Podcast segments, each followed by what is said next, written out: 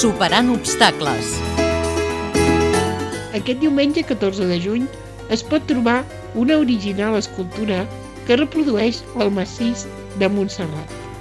La particularitat de l'obra és que està feta amb 15 tones de sorra i que vol transmetre la forma, el volum i la grandiositat de les muntanyes de Montserrat a través del tacte.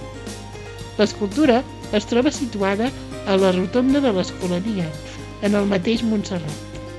A més de trobar la forma del, del massís, a més de trobar la forma del massís, també podran tocar la representació d'un venedor de cupons i de la figura de Louis Braille. L'obra d'art tàctil té una llargada de 6 metres, una amplada de 2 i i una alçada de més de 2 metres en el seu punt més elevat. La sorra que s'ha fet servir prové d'una cantera de Bellpuig, a Tarragona. Es tracta d'una sorra rentada, silícia i especialment fina, sense impureses, que té un gran poder de compactació. Aquestes característiques la fan més resistent a la climatologia.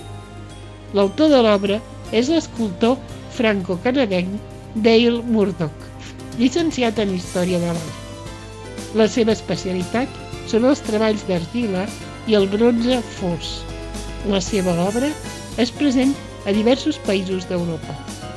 Aquest cap de setmana s'inaugura de manera oficial aquesta escultura efímera, coincidint amb els actes de Germanó que cada any organitza la ONCE.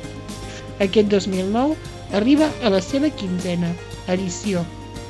A més de la inauguració de l'escultura gegant, es faran activitats com pujades en globus i viatges amb cremallera o àpat amb familiars. Fer arribar l'art a través dels sentits és l'objectiu de la majoria de creadors. L'escultura de sorra gegant obre tot un altre camp de possibilitats per comunicar sensacions a través del tacte. Montse Pous, periodista.